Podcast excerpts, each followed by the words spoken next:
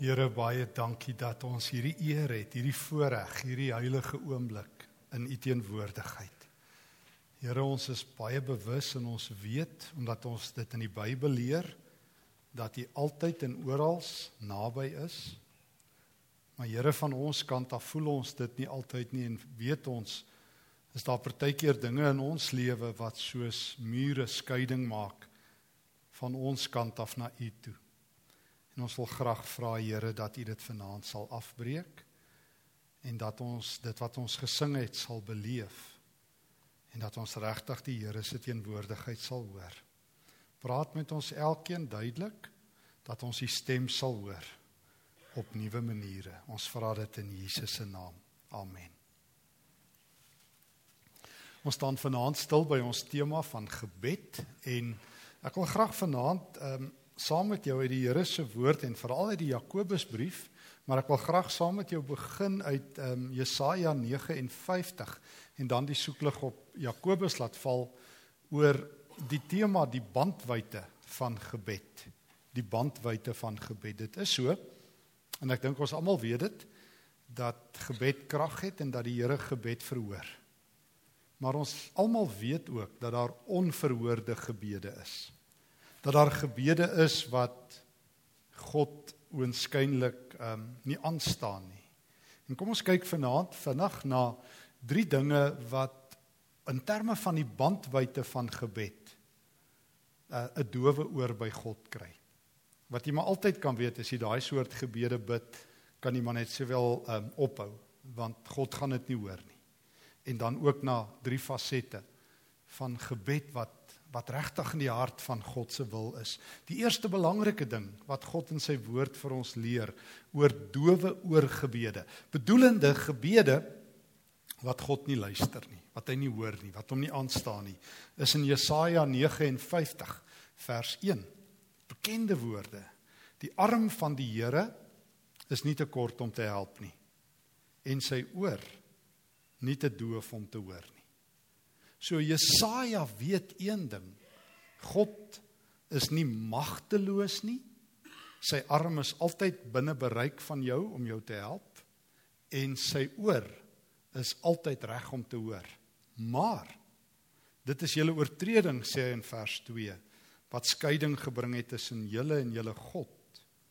Dit is julle sondes wat maak dat hy hom nie aan julle steur en nie na julle wil luister nie. Jesaja is ondubbelsinnig, helder en duidelik dat as jy bid en jy lewe doelbewus, aktief, 'n lewe wat in 'n ander rigting gaan as wat God van jou vra, moet jy nie dink God gaan hoor nie. Jesaja praat nie hierso van sondes wat ons almal elke dag doen wat jy nie wil nie. Dit kom oor jou pad. Hy praat van 'n doelbewuste lewe van ek leef soos ek wil En dan gaan ek net so nou en dan dan soek ek God se guns en dan moet hy iets vir my doen en dan gaan ek weer aan met my lewe. Hy vertel hoe lyk die die mense se lewe. Jy kan dit maar gaan lees daar vanaf vers 3 tot 8. Hoe lyk die Israeliete se lewe? Hoe lyk mense wat aan die een kant vroom bid, maar aan die ander kant hulle aan God net mooi niks steur nie.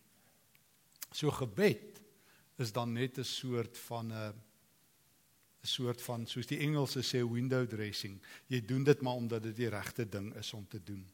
Weet verseker dat gebed en lewenswyse hand aan hand loop. Dat jy kan nie bid as jy nie reg lewe nie en jy kan nie reg lewe as jy nie bid nie. Die twee is hand aan hand. Dit is kop en munt. Dit bly altyd vir my 'n aangrypende teks 1 Petrus 3 waar Petrus met die mans praat. En dan sê hy vir hulle, hy praat oor die huwelik. En dan sê hy hy sê 'n geweldige ding. Hy sê leef heilig, eerbaar saam met jou vrou sodat jy kan bid. Hy sê nie jy moet bid sodat jy goed kan leef in jou huwelik nie. Hy sê jy moet reg lewe as jy nie bid nie. Ek ken baie mense, ek het al in my lewe gesien. Hulle verwoes hulle huwelike. Hulle lewe soos hulle wil. En dan ewe skielik hardloop hulle kerk toe en dan moet die Here help. Ek onthou nog 'n ou wat eendag vir my gesê het, ook so jong dominetjie was, toe sê hy vir my, "Ja, jy lyk vir my nie of jy ons ook kan gehelp kry met ons huweliksprobleme nie." Toe sê ek vir my, "Daarom so 30 jaar het start op my. Jy het dan 30 jaar gevat om jou huwelik te verwoes en nou wil jy my in 'n uur hê om dit reg te ruk." So dis daarom ook nie billik nie. Maar maar geliefdes, ja, jy mag bid vir jou huwelik, maar Petrus sê onthou net, onthou net. Jy moet reg lewe sodat jy reg kan bid. Nie waar nie. Moenie dink jy kan lewe soos jy wil. Nou hardloop jy net gou by God en sê, "Ag Here, seën gou dit en doen gou dat en help gou dit en seën die kos en seën die mense en seën die vergadering en dan gaan ons aan soos ons wil nie." Ek wonder hoeveel vergaderings wat al oop gebid is, het het die roete gevolg van daai gebed wat aan die begin gebid is. Ek wonder wat sal gebeur as die Here vergaderings en etes se gebede moet verhoor. Ek dis hoekom ek dink Here hoor baie van daai gebede nie eers. Want en dis net 'n ritueel. So Jesaja sê wees versigtig, kry jou lewe reg. Dis die eerste hindernis op die pad van gebed. Die tweede een, so ons het gesê as drie dinge wat God eenvoudig 'n dowe oor gee as jy bid. Sonde, tweedens Jakobus 4. En ons gaan nou ons tyd by Jakobus spandeer. Jakobus 4 en dan Jakobus 1 en dan Jakobus 5. Hy vra hierdie vraag: Waar kom stryd vandaan? Waar kom risies onder julle vandaan? Kom dit nie van julle selfsugtige begeertes wat gedurig binne in julle woed nie? Julle wil dinge hê, maar dan kry julle dit nie en dan wil julle moord pleeg. Julle is jaloers op 'n ander man se goed en dan kan julle dit nie in die hande kry nie en dan maak julle risie en julle beklei. Hoor nou Jakobus 4 vers 2 se laaste woorde. Julle kry nie omdat julle nie bid nie. Tweede rede hoekom gebede nie verhoor word nie. Jy bid nie. Baie mense bid nie. So as jy nie bid nie, kan God niks doen nie. Laat my dink aan in aan aan Openbaring 5. Ehm um, daar in vers 7 agterond dat dat gebed is soos word daar beskryf as en dit is dieselfde ook in uh in in Openbaring 8 as 'n as 'n wierookbak.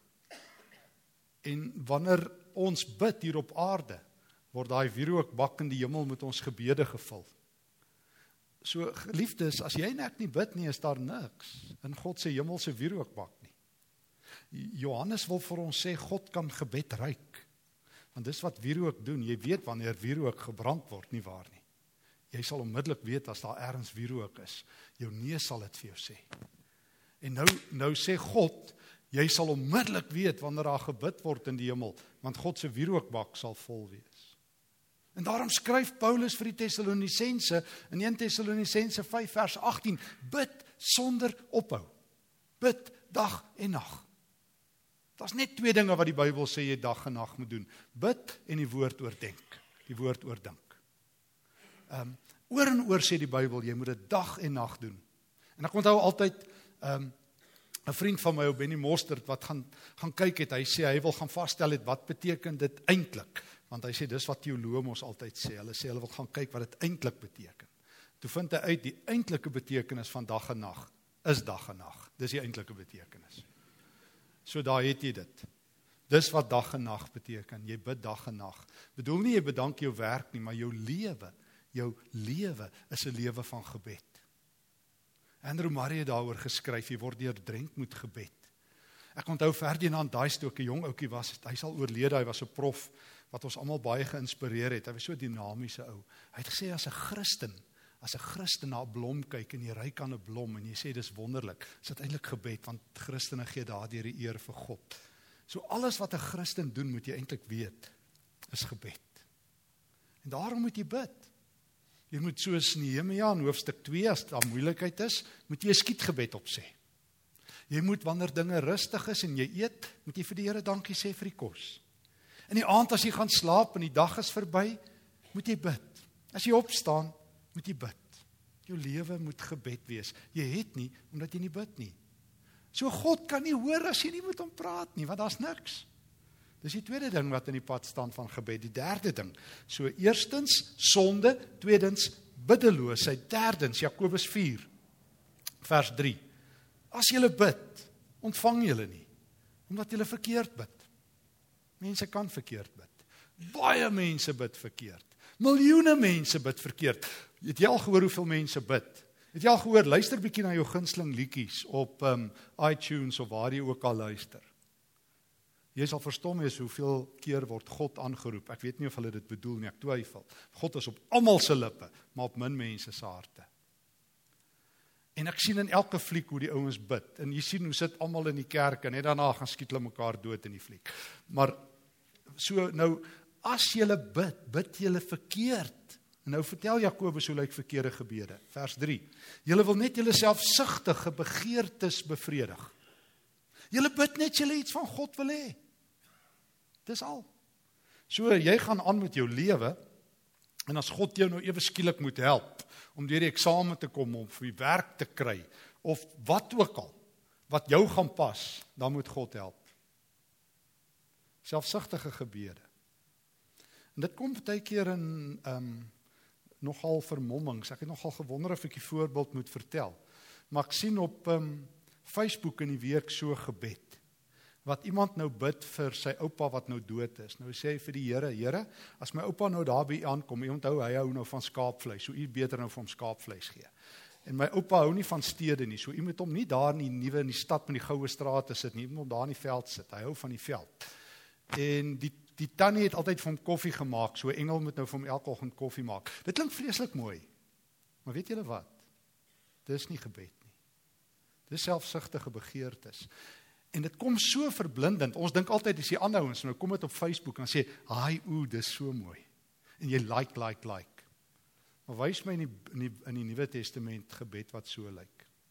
So vriende, baie keer kan ons met ons speelietjies en ons liggewig gebedjies en 'n gebedjie hier en 'n gebedjie daar. Jakobus sê, "Julle bid en julle kry nie want julle maak 'n bespotting van die lewende God." Jy moet een ding weet as jy bid, jy's op God se terrein. En God Dis nie jy nie. En jy is nie God nie. En daarom kom Jakobus, kom ons gaan kyk dis nou van daar af so ehm um, onverhoorde gebede, sonde in jou lewe, gewoon biddeloosheid en gewoon selfsugtige gebede wat jou pas, wat jou lewe vir jou lekker moet maak. Moenie dink God hoor dit nie. God stel nie belang. Hy is nie 'n uh, 'n uh, eenstop religieuse diens nie, soos ons al vir mekaar gesê het. God is nie 'n verbruikersgod wat reg staan om ehm um, jou lewe lekker te maak. Sodat jy sê 'n vraelys invul en sê 1 uit 10 evalueer gou hoe was hoe was God op jou antwoorde van jou gebede nie. God is nie in daai spel nie. Hy word nie geëvalueer deur jou en my nie. Hy doen die evaluering. Watse gebede word verhoor? Kom ons kyk na drie dinge. Terwyl ons in Jakobus 4 is. Ehm um, kom ons lees verder. In Jakobus 4 vers 5. Ehm um, Of dink julle dat die skrif sonder rede sê dat God die gees wat hy in ons laat woon vir homself wil hê? Maar die genade wat hy gee is nog groter. Daarom sê hy: God weerstaan hoogmoediges, maar aan nederiges gee hy genade. Onderwerp julle dan aan God. Staan die duiwel teen en hy sal van julle wegvlug. Nader tot God en hy sal tot julle nader. Was julle hande sondaars? Reinig julle harte hygelaars? Bekla julle ellende, treur en huil. Laat julle vrolikheid en rou verander in julle blydskap en droefheid. Onderwerp julle in nederigheid voor die Here. Hy sal julle verhoor. Wie is die eerste gebede wat altyd verhoor word? Wanneer jy jouself voor God verneder. Wanneer jy kleiner word en God groter. Ons het al vir mekaar vertel, maar kan ek dit weer vertel? Dit laat my altyd dink aan die verhaal van van Aslan, die leeu wanneer Lucy in die Chronicles, of nie Chronicles of Narnia stories in Aslan die leeu vasloop wat Christus voorstel. Dan na na 'n jaar, as hy vir Aslan sien, dan sê sy, "You have grown." Dan kyk Aslan na, dan sê hy, "I have not, but you have grown. And every year you grow, you will find me bigger."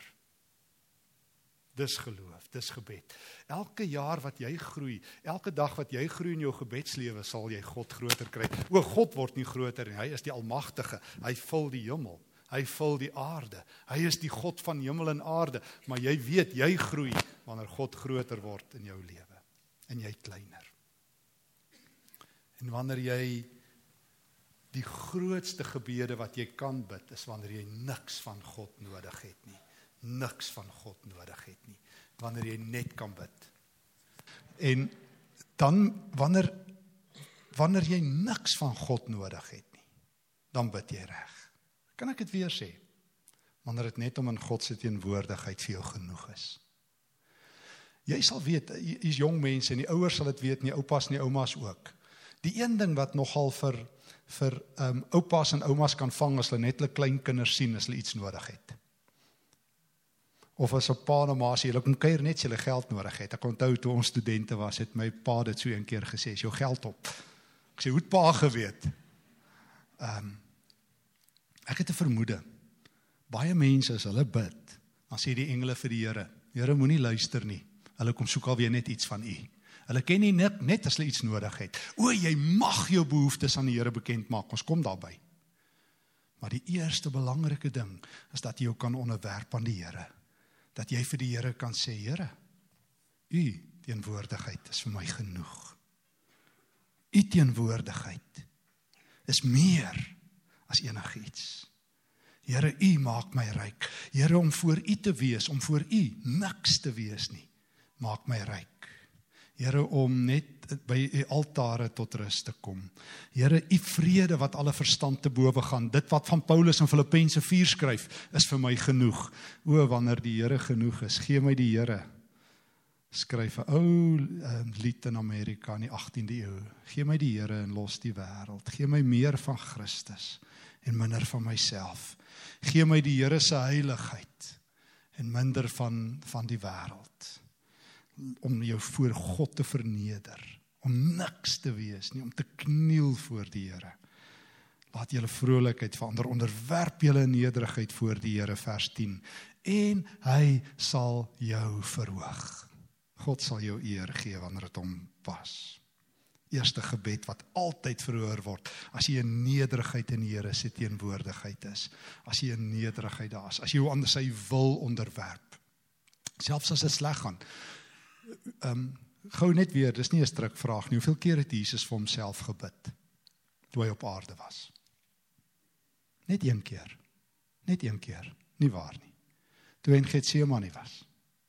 Wat hy eintlik net vir homself gebid het. Die res van die tyd het hy sy Vader verheerlik. In Johannes 17 bid hy vir ander mense voordat hy doodgemaak word. En selfs wanneer Jesus vir homself bid, wat sê hy? Sy bekende woorde in Markus 14: "Nie my wil nie, maar U wil."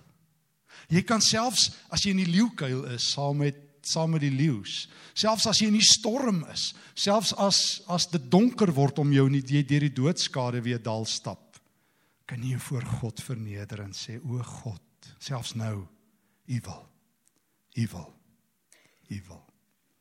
Verneder jou voor God en hy sal jou verhoog. Ken jou plek voor die Here en hy sal jou ken. Ken jou plek voor die Here en hy sal jou ken. Tweede gebed wat altyd verhoor word wanneer jy om wysheid bid. Jakobus 1. Wanneer jy om wysheid bid. My broer sê hy in vers 2, Jakobus 1 vers 2 en susters, julle moet baie bly wees as allerlei beproewings oor julle kom. Want soos julle weet, as julle geloof die toets deurstaan het, sal dit julle in staat stel om te volhard. En die volharding moet eintlik volgehou word sodat julle tot volle geestelike rypheid kan kom sonder tekortkominge. Hoor nou, as een van julle wysheid kort kom, moet hy dit van God bid. Jakobus sê ons moet reg lewe. Dis waaroor hy besig is om te praat. Jy moet 'n heilige lewe leef. En hy sê die lewe is moeilik. Daar's toetse, daar's versoekings. Die duiwel staan vir jou om elke hoek en draai en wag en die lewe gaan jou gaan jou vat. En as die lewe jou vat, moet jy staan. En nou sê Jakobus, die tweede gebed wat jy altyd moet bid, bid vir wysheid. Bid vir wysheid. Bid vir wysheid. Salomo het dit gedoen, is dit daar in um, 2 Konings 3, 1 Konings 3, waar hy vir die Here vra: "Geef my wysheid." Dis die grootste gebed sê die Here wat Salomo ooit gebid het. Jy kan dit gaan lees. Hy het nie geld gevra en 'n lang lewe en dat al sy vyande vernietig word nie. Hy het gevra vir wysheid. Jakobus sê as jy een gebed wil bid van die Here wat die Here altyd verhoor, bid vir wysheid. Hoeveel gebede? Kom ons wees gou eerlik. Dink net vir jouself. Ek wil nou niemand skaam nie, want ek gaan die eerste ou wees wat skaam kry. Hoeveel gebede het jy al in jou lewe gehoor waar iemand die, by die Here pleit, Here, gee vir my wysheid. Ek het nie wysheid nie. Ek kan nie onthou hoeveel gebede het ek al gebid nie. Ek kan nie vir jou sê hoeveel ek al gehoor. Wel, minder as 5 waar mense dit van die Here vra. Geef my wysheid. O, ek hoor, gee vir ons dit en gee vir ons dat en wees moet die en wees moet daai, maar die Here sê, weet jy waarvoor moet jy bid? Vir wysheid. En as jy nie weet wat wysheid is nie, gemaak 'n studie hierdie vakansie of hierdie Julie maand van die Spreukeboek, gaan lees dit deur 31 hoofstukke sodat jy kan wysheid bekom. Sodat jy weet waarvoor jy bid. Spreuke 1 vers 7 sê dit begin met vrees, heilige eerbied vir die Here. Dit gaan dat jy jou plek ken, dat jy respek vir mense het, dat jy op die regte tyd die regte woord sê, dat jy sal agting hê, dat jy jou geld sal deel, dat jy vrygewig sal leef, dat jy as jy 'n man is op 'n sekere manier in jou huwelik sal optree, as jy 'n vrou is, as jy 'n magsposisie is, as jy arm is, as jy 'n kind is, as jy oud is. Wysheid is om God te eer en as jy wysheid kort kom, weet jy waar kry jy dit? Jy skryf nie in vir 'n graad by die universiteit en dan het jy 'n diploma in wysheid nie. Jy gaan vra vir die Here. En Jakobus 1 sê as een van julle wysheid kort kom moet hy van God bid en hy sal dit vir hom gee. Punt. Dis nie gesprek daaroor nie. God sê elke mens wat vir my wysheid vra, gee dit. Maar jy gaan dit nie voel nie. Jy kan nie voel ek het nou al weer een geek wysheid gekry nie. Wysheid gee die lewende God in verhouding Maar wysheid kan jy net sien as jy begin praat. As jy wag voor jou mond sit, dan weet jy daar het bietjie wysheid gekom. As jy bietjie dink voor jy iets sê.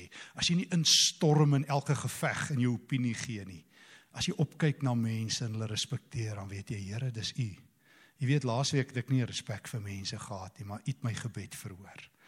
Um God gee dit sonder voorbehou en sonder verwyte. Die een ding wat God op skrif is in sy eie boek in die Bybel wat hy sê almal wat hom wysheid vra sal hy dit voorgee. Ek bly verstom as ek as dit Prediker 7 lees dat Prediker sê hy het onder 1000 mans net een gekry wat wys was. Dit beteken lyk vir my as net een ou wat vir wysheid bid onder elke 1000 mans. So as jy wil 'n gebed hê wat altyd verhoor word, bid vir wysheid. Onderwerp jou aan die Here. Tweedens bid vir wysheid, maar vers 6 'n mens moet gelowig bid. Hier's die ding. Derdens, jy moet glo. Mens moet gelowig bid en nie twyfel nie. Want iemand wat twyfel is soos 'n golf op die see, 'n brander wat deur die wind aangejaag en heen en weer gedryf word. So 'n mens wat altyd aan die twyfel is en onbestendig is in al sy doen en late, moenie dink hy gaan iets van God ontvang nie. Glo. Dit bring my by Jakobus 5 ons laaste teks. Glo wat daarbey aansluit. Bid en glo. Jakobus 5 is 'n um, is 'n asemrowende mooi teks waar waar God vir ons hierdie groot lesse leer dat ons moet bid en dat dat ons um, dat ons so moet bid dat die Here se woord in ons lewens um, neerslag vind vers 13 as daar iemand onder julle is wat swaar kry moet hy bid. Jy moet bid. Wanneer moet jy bid as hy swaar kry? Wie moet bid as jy swaar kry? Jouself. Wat doen die meeste mense as hulle swaar kry?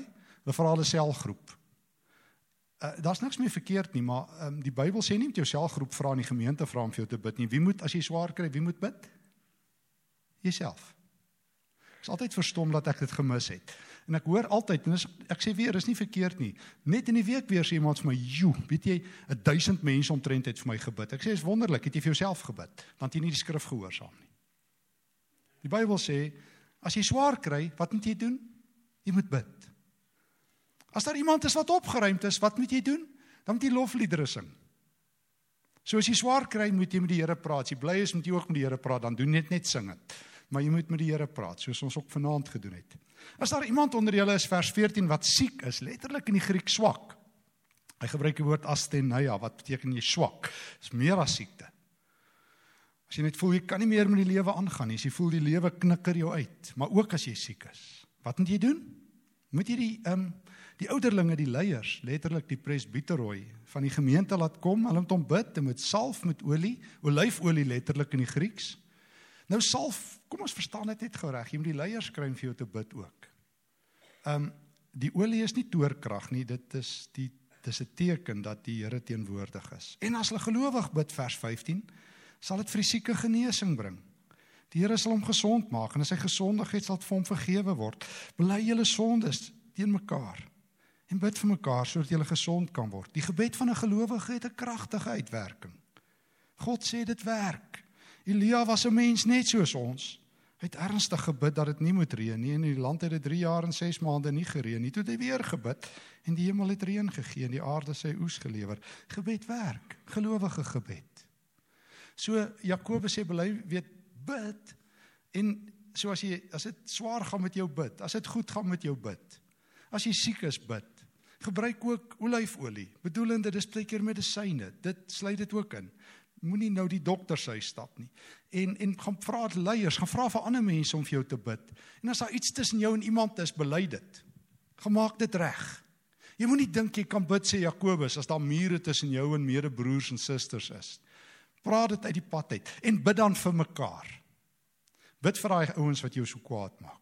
Dit is nogal moeilik. Probeer bietjie vanaand vir jou vyande bid. Ek is seker, ek weet, ek het altyd plek om nog iemand te haat in my hart. Ek het dit agterkom. Dit is 'n verskriklike ding wat ek vir myself moet agterkom.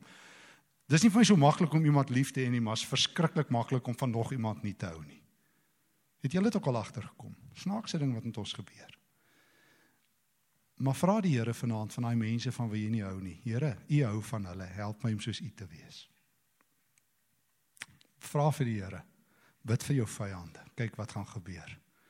Ehm um, daar gaan iets in jou hart gebeur, ek jou waarborg. Uh, op hoë gesag van die Here. Daar gaan iets in jou hart gebeur. Sodat jy gesond kan word. Maar jy moet een ding weet, gebed wat in nederigheid gebeur, wat wysheid vra en wat met geloof gaan rondom God word verhoor. En as jy getwyfel het, kyk na Elia. Hy kon op 'n dag die hemel toe bid en hy kon die hemel oop bid. Hy was 'n gewone ou. Gebed het bandwydte. God is die hoorder van gebed. Ek sluit af Psalm 65 vers 3. God is die hoorder van gebed. So stel hy homself bekend. God is die hoorder van gebed. Gebed is nie soos ehm um, jy het nou jou gelukkige nommer getref en nou is jou gebed verhoor nie. Daar's nie 'n speelietjie in die hemel as jy as jy begin bid en sê jy is nommer 1 miljoenste in die lyn en dan speel jy haleluja koor vir 10 weke totdat jy nou nommer 1 is in die gebedslys nie. God is die hoorder van elke gebed omdat hy die almagtige is. God hoor elke gebed. En God sê onderwerp jou aan my en ek sal by jou wees. Vra vir my vir wysheid en ek sal dit vir jou gee om reg te lewe. Maar vertrou my.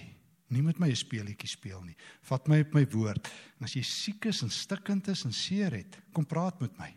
Ek sal jou aanraak. Vertrou my. En die wêreld sal 'n beter plek wees. Bid sê Jesus en vir julle sal gegee word. Soek en julle sal vind. Klop en vir julle sal oopgemaak word. Amen. Ek wil vir ons 'n paar oomblikke gee van stil gebed, maar ek wil vra want in hierdie oomblik dat ek nou hier staan, het die Here nou die stukkie verantwoordelikheid aan my gegee om die presbiteros die die verkondiger van sy woord te wees. En ek wil graag vir jou bid. En ek wil graag saam met jou in die geloof bid want die skrif sê die leiers en dis nou hierdie oomblik my werk moet vir vir mekaar bid. So jy sal weet en ek wil vra kom ons buig ons hoofde. En as daar iets is in jou lewe wat seer is en wat stikkend is waarvoor jy die Here se aanraking nodig het, as jy genesing nodig het, as jy uh, oorwinning oor 'n sonde nodig het, as jy die Heilige Gees se krag nodig het, as jy wysheid nodig het, terwyl jy hoof sou buig, ek net vir 'n oomblik jou hand in die lug steek en dan bid ons saam en dan gaan ons in die geloof vertrou dat die Here hoor. O Here. Soos ek my hand opsteek, steek ek my hand op na U. My hand is oop, Here, ek is 'n bedelaar. U sien daar's niks in my hand nie. Ek het nie wapens nie. Maar ek het ook niks om vir U te gee nie, net 'n oop hand. Here my lewe het seer, U weet dit. Here, miskien is daar 'n verborgde sonde wat my laat struikel.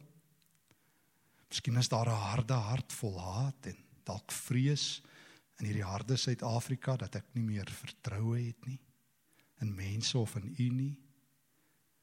Ag Here, miskien gaan dit baie swaar in my gesondheid met 'n familielid, met 'n familielid wat 'n verhouding sleg is of 'n vriend. Nou kom ek na u toe.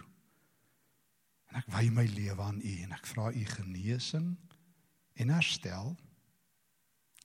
Ek vra vir u 'n nuwe pad.